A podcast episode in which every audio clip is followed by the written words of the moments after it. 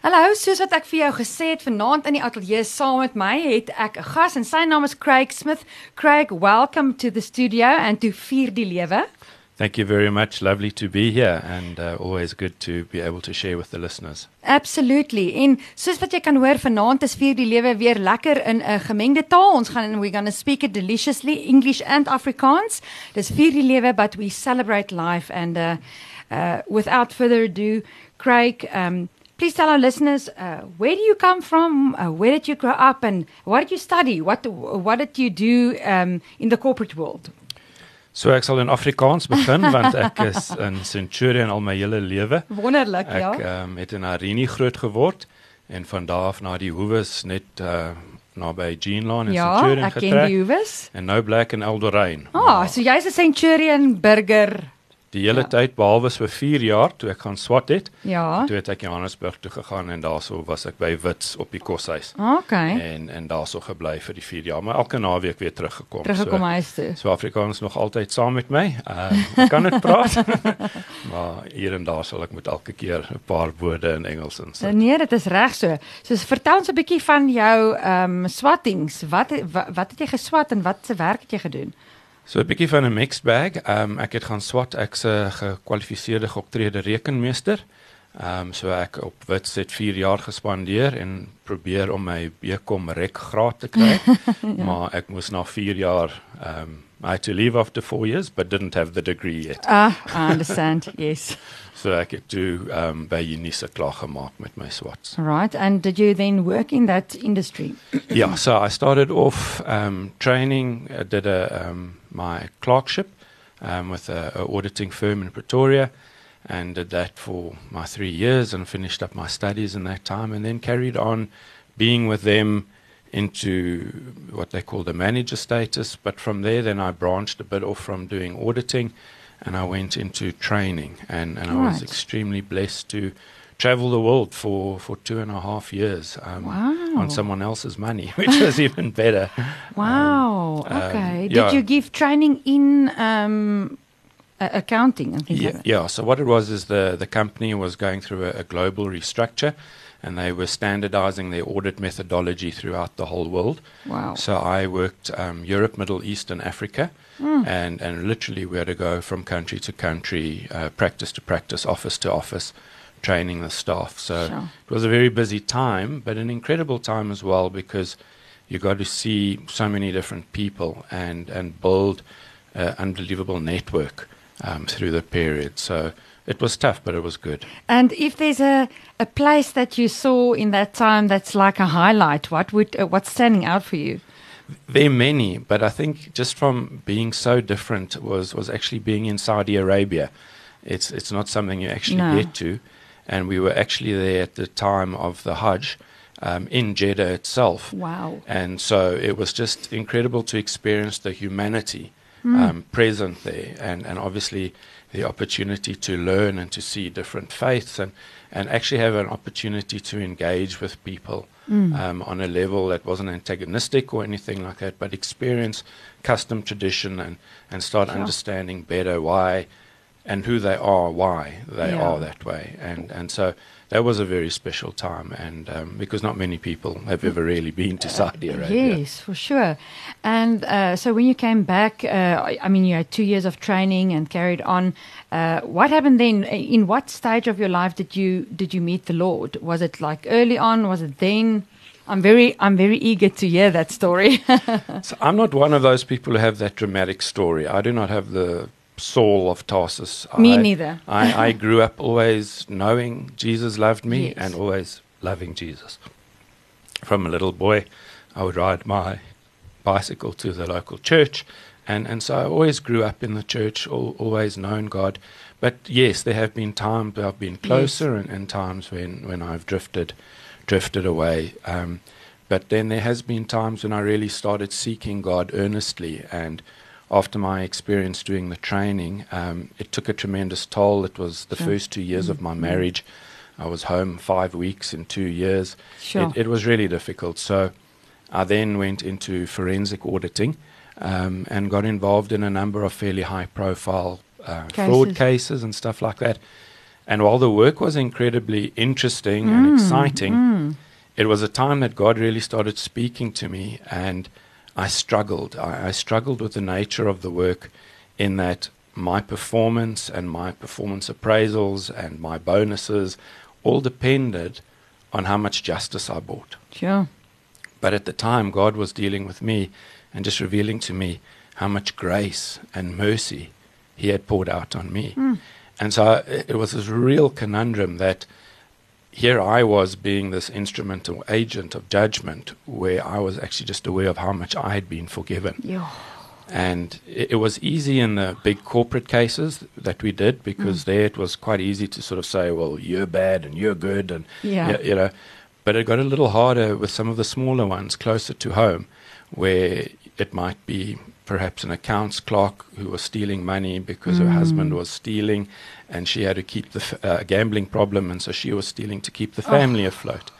And it became just too personal, and I started seeking mm. God saying, I can't carry on doing this. The, mm. the nature of the work is too stressful, and I'm finding the, the disconnect between my faith. And, and, and I take my hat off to people who can be lawyers and who can be policemen and who can be all of that, but it just wasn't me inside. Mm. And um, God said, All right, well, will you trust me? And I said, I will. And He said, All right, it's time to then leave the corporate world. And I left and I opened a woodworking business. And was woodworking always a, was it a, like a hobby that you had? It was nothing. I, did, I didn't even own a screwdriver. Okay, so how did that come come to pass?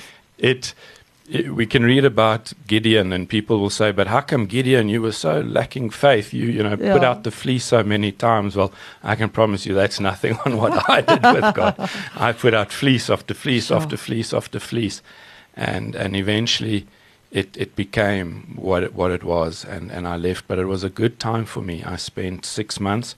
I rented some factory space just on my own, bought machinery, um, and and God worked incredibly with a lot of issues in my life. I learned a lot more humility. Um, I used to have the motto, "He who dies with the most toys wins," and and all of a Sure. sudden I traded in the big Land Rover Discovery, and I bought a second-hand Ford Bantam bakkie, and I started the business. Sure. And and I would go home with aching hands at the end of the day because these were soft fingers. They typed on computers and shuffled paper. Um, but it was a, a very, very good time for me spiritually and a time that I had to really learn to trust God um, wow. in the business and, and learn and grow and, and again just interact with different people on different levels. What did you exactly do in the woodworking? Did you make cupboards or uh, tables or what was the, the Yeah, so God very clearly gave me two directions to go into. One was baby making furniture. Wow. I I think that was just to bring some joy um, from where I'd been. And then the other was to get involved in building custom designed um, wine cellars. Nice. And, and that also opened many, many doors Yeah. and ended up getting into shop fitting for some of the larger yeah. companies doing their Christmas displays and Yeah. uh, launch woodwork. And, and the business really grew and was blessed um, Sure. far, far beyond anything I could do, you, you know, just personally from my own ability Mm. because I started actually with nothing. Um, but you must have had a talent for that. I mean, even if you didn't did do it as a hobby, just to start something new from scratch, which you haven't done before, there must have been something nudging you forward. Or, I mean, did you watch YouTube videos too? I actually wish YouTube existed back then. It was so many years ago. And I mean, now I still Yeah. love the idea of woodworking. And Yeah. even on Instagram, I follow a number of these Yes. and I look at some of these videos. I go, oh man, if only I knew that then. And, and, and I can see like so many of the designs I did, especially for the wine racks. You know, I'm like, that's so mm. boring. you know, look what they're doing now. And oh, is that how you do that? So, so no, it, it really was just one of those things that I think God needed to deal with me. Um, it was at a time that I, I, I turned 30, and, and people sort of still spoke to me. And, um, you know, the idea of going into woodwork obviously had a, a spiritual thing. Mm. that's what Jesus Mm. did. He, he Mm. was a Carpenter. carpenter. And, and many people would sort of start saying, What is happening here? And, and I didn't.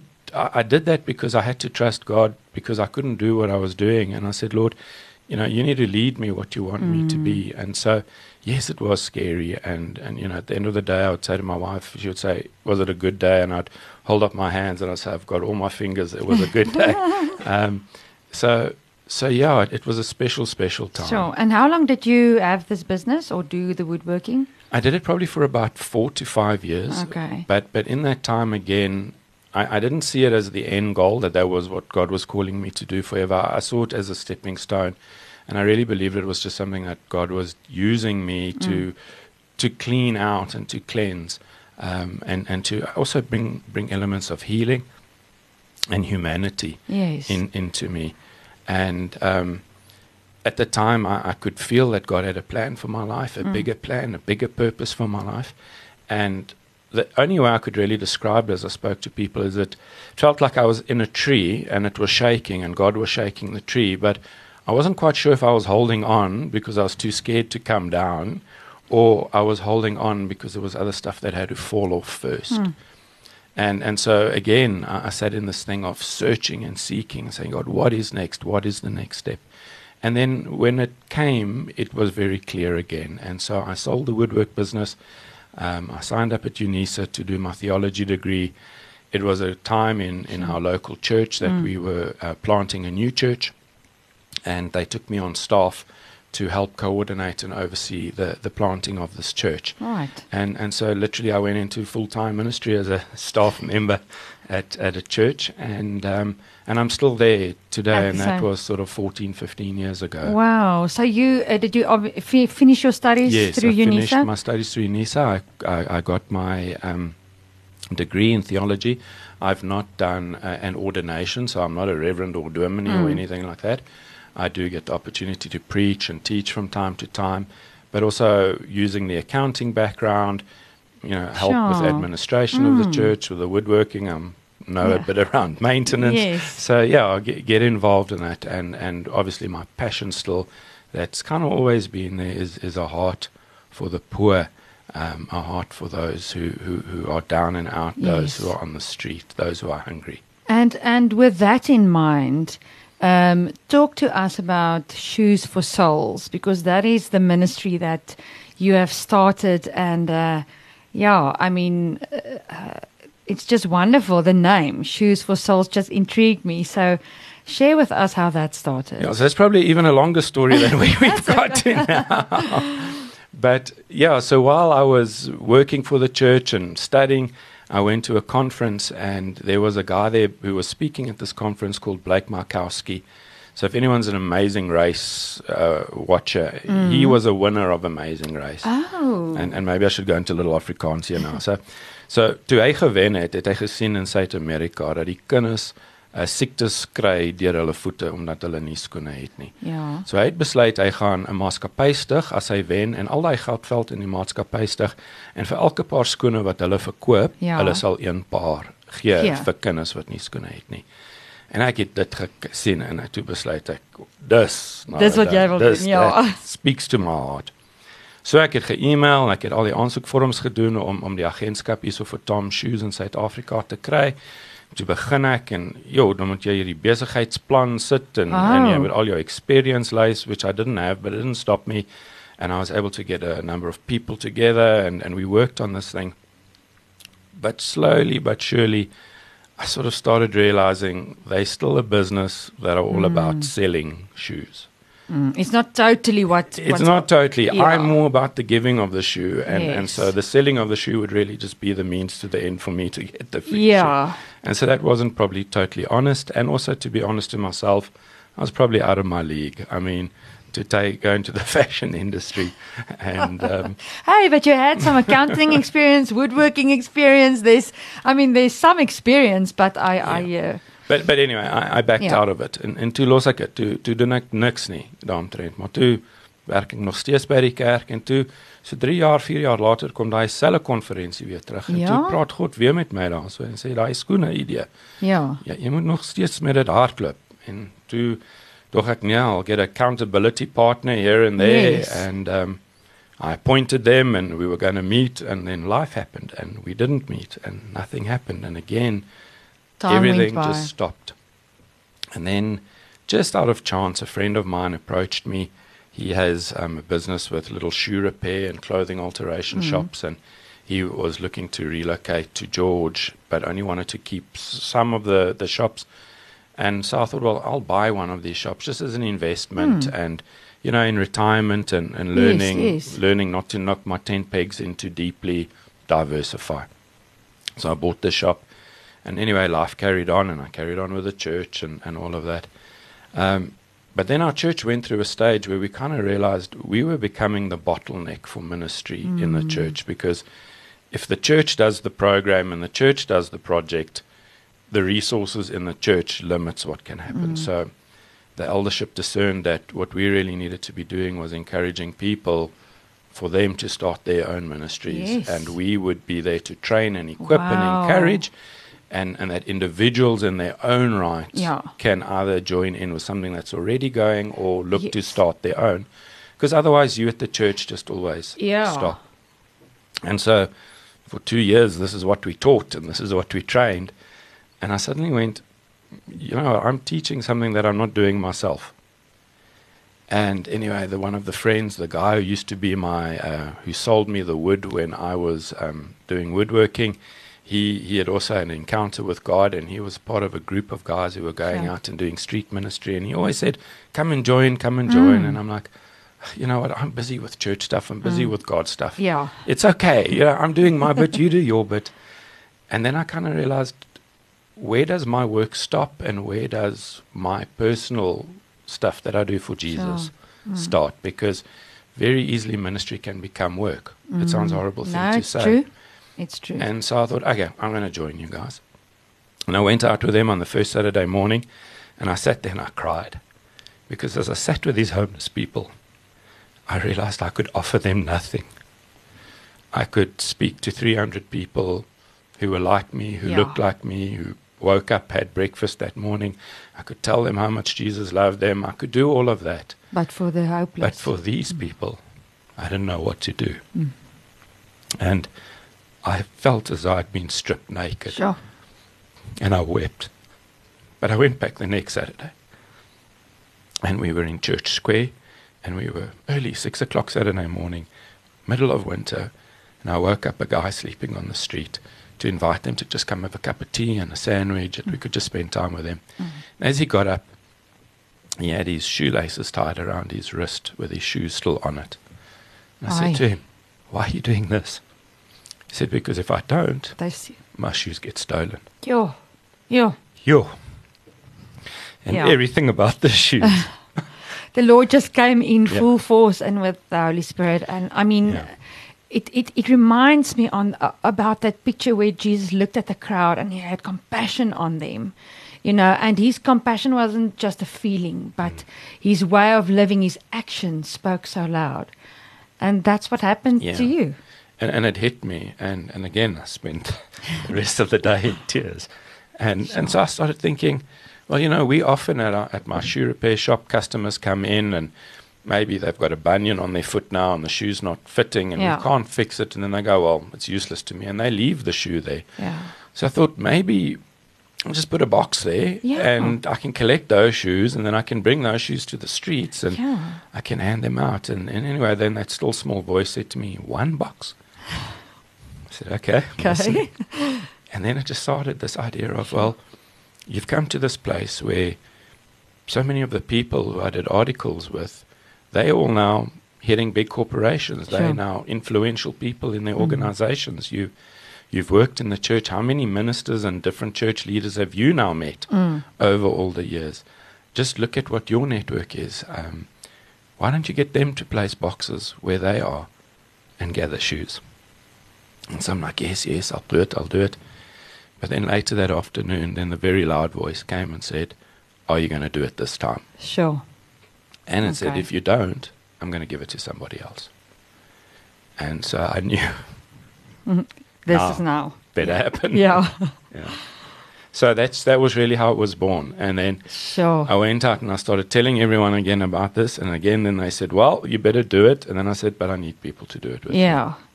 You know, I, I just want to come in there. Um, it sounds so much like uh, what I, I as well feel. Um, I love it to be part of a team. I'm not a lone ranger that wants to, you know, take something and run with it alone. It's so much better when people come alongside you and actually share in the dream and and that actually just fires the the energy and the enthusiasm, isn't it? Yes. Yeah, and, and also again holds me accountable because Yeah. I'm great one to hear and get the idea and then walk away. And and and so yeah, so we just started simply.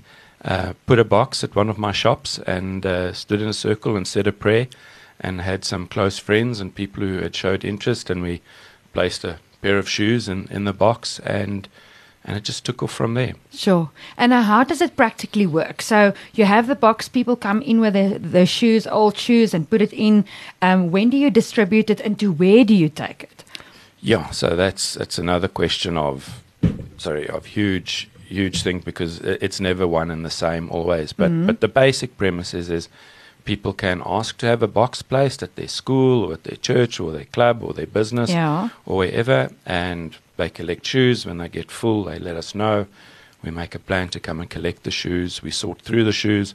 If they can be repaired, then in my shops Oh, we, wonderful, we yeah. it. Since then, I've added another two shoe repair shops. to- Wow, that's do the wonderful, yeah. And, and, and the idea eventually is to also start offering people um, the chance to train as shoe repairers Oh, to get them on the street. And we were just about to start when COVID hit, unfortunately.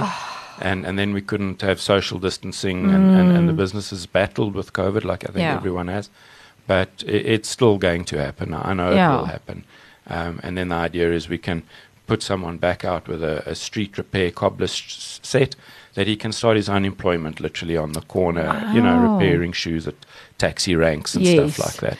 So, so where are you guys situated? Your your shoe repair shops at the moment, where people can. If I'm, I'm just thinking where people can bring shoes. Yeah, so I've got um, in Menlyn Retail Park, the Yeah. Waterglen Shopping Centre, and at the Kolonnade uh, Okay. Retail Park Right. there as well. And do you work at one of the shops or do you oversee them? So I have angels who work there. I have some wonderful ladies. They all manage. They're, they're my managers, and they really run the shops on a day-to-day basis. And then I just deal with what I need to deal with. But I don't spend time at the shop. I'm still working for the church Yeah. full time. Okay. Um, so nothing's changed there. So they they really have become, um, and they need to run sort of on their own.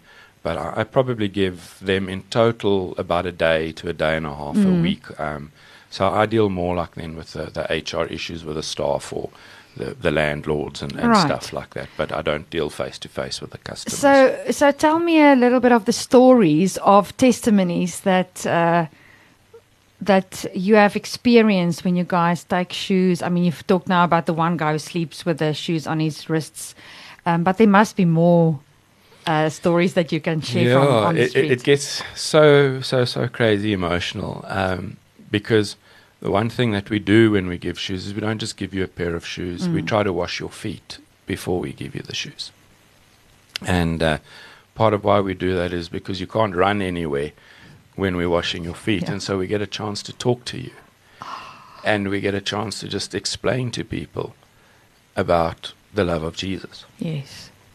and at the same time get to demonstrate his love as he told us, you know, that on the night before he died.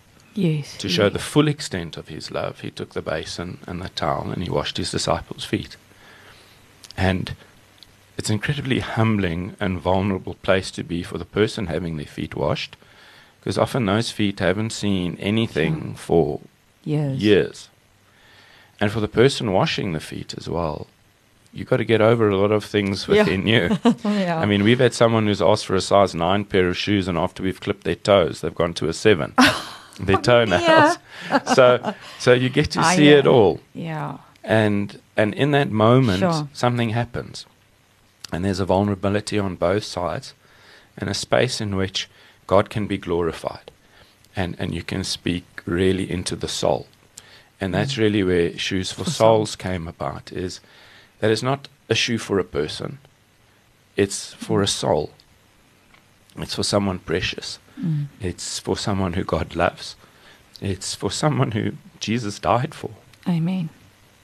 And when we can bring that humanity into a moment of humility, that's where I think hope and dignity starts getting restored and where healing can start taking place for the volunteer and for the person who, who's receiving the shoes. And uh, uh, how long has this ministry been going on now, Craig? I'm not good with dates. I get confused, but, But I think we years? started was December 29, 2018, maybe Okay. December 2018. I think. Yeah, I think we had about a full year then when COVID, COVID kind of hit. So so yeah, about then. And then what are the areas that you go and minister? Is it specifically in Pretoria Mid City or um again all over. Mm. Um, we we've we've also yeah things have just happened. We we've had companies who've come and joined us and supported us. But I mean, so for example, just before the end of the year, we were in Thabazimbi, Rustenburg, Swartklip. Oh, wow. Um, we've been to George before to to hand out shoes. We we we're not going to go, but we're going to ship shoes now to uh, a, a farm school in the Cape Winelands. Yeah. Um, we've been into Soweto. We've been into Tembisa. We've Soshanguve, Mamelodi, Pretoria Central. Um, Sure. Yeah, if we can get there, we kind of ca- if we can get there, we go. Yeah. And then how much shoes do you take at a, a, a, a in a specific moment? I mean, it must be quite a lot. So, so it depends really on, on what, what the activity is we're doing. Mm. Um, so we have different lines as well within Shoes for Souls where we look after schools and we do school Okay. shoe distributions. Um, and so yeah, there you could take up to a thousand pairs of shoes with you Wow. To to help um, children and learners. And, and that's probably when you said you know testimonies, those are the ones that are so close to home. And um, one of the sh- pair of shoes we have, I've actually framed it. We we were at a school in Daveyton, and we don't always give we don't get shoes to every child, only if Mm, they need, Need shoes. it, yeah. And this little boy arrived there, and he was sort of standing on the back pieces of his shoes, sort of ready to take them off. And I looked at them, and the shoes still looked okay. I thought it was just a bit of polish. And Yeah. So I'm like, you're taking a chance, yeah, move on. but as he moved on, he put his finger down to grab the back of the shoe and slide it back on again. And one of the guys who was with us, Bongani, saw that there was this giant hole in the bottom of his Oh. Ah. one shoe in the sole. So he called him back, and we said, "No, take your shoes off." And he had folded cardboard up to try and cover this hole. And again, I just stood there convicted, and and just realized how easy it is. We look from the outside at people, and we go, "You're fine, Mm. move on." And then what I always say, and especially when I teach to children or schools, I use this as an example, and I'm like, "But sometimes there's a hole in somebody's soul." Yeah. And that's our job and our calling and our purpose must always be is to shine the love of Jesus into that hole of the soul. And you know that saying that says you never know what somebody's life is like until you walk a mile in their shoes. Exactly. And that's literally what you guys do. You take them shoes, but you actually, when you sit down and wash somebody's feet, you get to walk a, a few seconds in that person's shoes. Yeah. And um, it's so true, you know, to look from the outside and actually make a judgment. Mm. But we have no idea what people are going through. So, um, with your ministry, um, at the moment, so you are at the church busy, you're busy with Shoes for Souls. Um, if people want to get involved with Shoes for, for Souls, how do we do that? How do we become involved? So, so there's avenues. One is obviously maybe host a collection box Okay. where, where you are, so you can stand it and then you can collect shoes for us. So that's Mm. kind of the, The entry or easiest what, entry yeah, yeah. entry point in. From there, then it can, and we can try and encourage people is well, then take ownership of that box. That when Yeah. it gets full, Yeah. you empty it, you clean the shoes, you wash the shoes, ah. and then let us know, and then we can collect shoes that are ready to go. Because otherwise, we've got to do all that processing. Right. And we currently average about 800 to 2,000 pairs of shoes a week. So it becomes The- quite, a, quite a lot lot. for us. So, so if we can already get shoes that are ready to go, then y- you know that helps us a lot. So, so that would be be the next step. Then is you know if you actually take ownership for that, then obviously from there we get people who, who are keen to come out with us, and then when we do an activity, Mm. we, we give an invite and we ask Right. for people that can come along and they can join. Um, or otherwise, other ways that people can get involved as well is is when we um, we obviously need to fundraise. Uh, you know, nothing Yes. happens for free, um, sadly, and Mm. um, and I mean that's probably one of our big challenges we have at the moment is there's so much more we can do and want to do, but as volunteers only, Yeah, it gets difficult. Yeah. Um, And and so we we put a program together called the Foundation 300, where Yes. I loved this movie of the Greeks with the Battle of Thermopylae, where the 300 Spartans withstood the Persian army. And then I happened to be just reading in Judges, and I got to Gideon again, and I was like, ah, "Oh, 300 went against the Midianites." so, so we kind of looked at our stuff, and we said, "Well, if we can get 300 people who would each give 100 rand a month, Right. that would give us 30,000 rand a month. month. And that would be more than enough for us to, you know, have a reasonable premises, have a staff member, you know, who could then drive around, Yeah. collect and, and coordinate things. So, so that's another way people, if, if they can Yeah. spare, can, can get involved with, with that to help the work that, that we do. Um, and, and yeah, obviously prayer, prayer support is Yes. always great. And then you guys do have a website that's Yes, functioning. a- People can. Uh, Yes. is the details there? So it's just www, the usual shoes for souls, but And the the, four- number four, number Okay. four souls.co.za. And, and everything is really there. You can write there to send us an email or a message. Yeah. Um, there, there's also the opportunity for any form of giving. And, and all I just say to people is, is, is be gentle with us. We're all volunteers. We're all busy. Yeah. Um, so if we don't get back to you straight away, please, you know, Yeah. understand. Just be patient. be, be patient. It's not that we don't appreciate or, or care, um, and and we also we don't we have a Facebook page, but we've kind of taken the decision not to post on Facebook, just also because of the intimacies of the moment. That's right. um, the personalness of it, and, Mm. and also when we post, uh, we get overrun by interest, to be honest, and then uh, we end up making people Yeah. unhappy. You know, people who, who really want to care and help too. Yeah. So, um, but but uh, I mean, the biggest driver is is you know we have those scriptures that says yes, let your light shine, but also don't let your left hand know what your right hand's That's doing. right. Yes. And um, it's we're just gonna keep trusting God to open every door for us as we go. We we don't believe we need a big ad campaign or, Yeah, or to pull on people's Yeah. heartstrings to try and manufacture an outcome.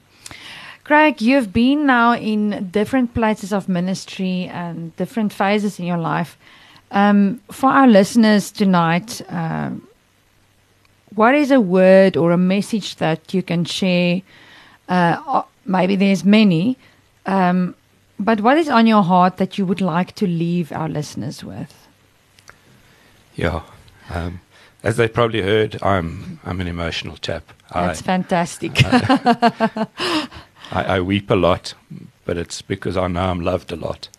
sure. And I think if there's anything I just say to people is go read 1 John, the first book of John. Not the gospel, 1 John. And just imbibe yourself in God's love and what it means to know what love is.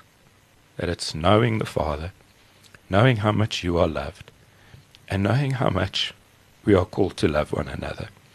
I think at this time in this world now, there's just so much hate.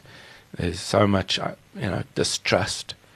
But I think if we can just get back to who God is, and there it says clearly, you know, 1 John, God is love.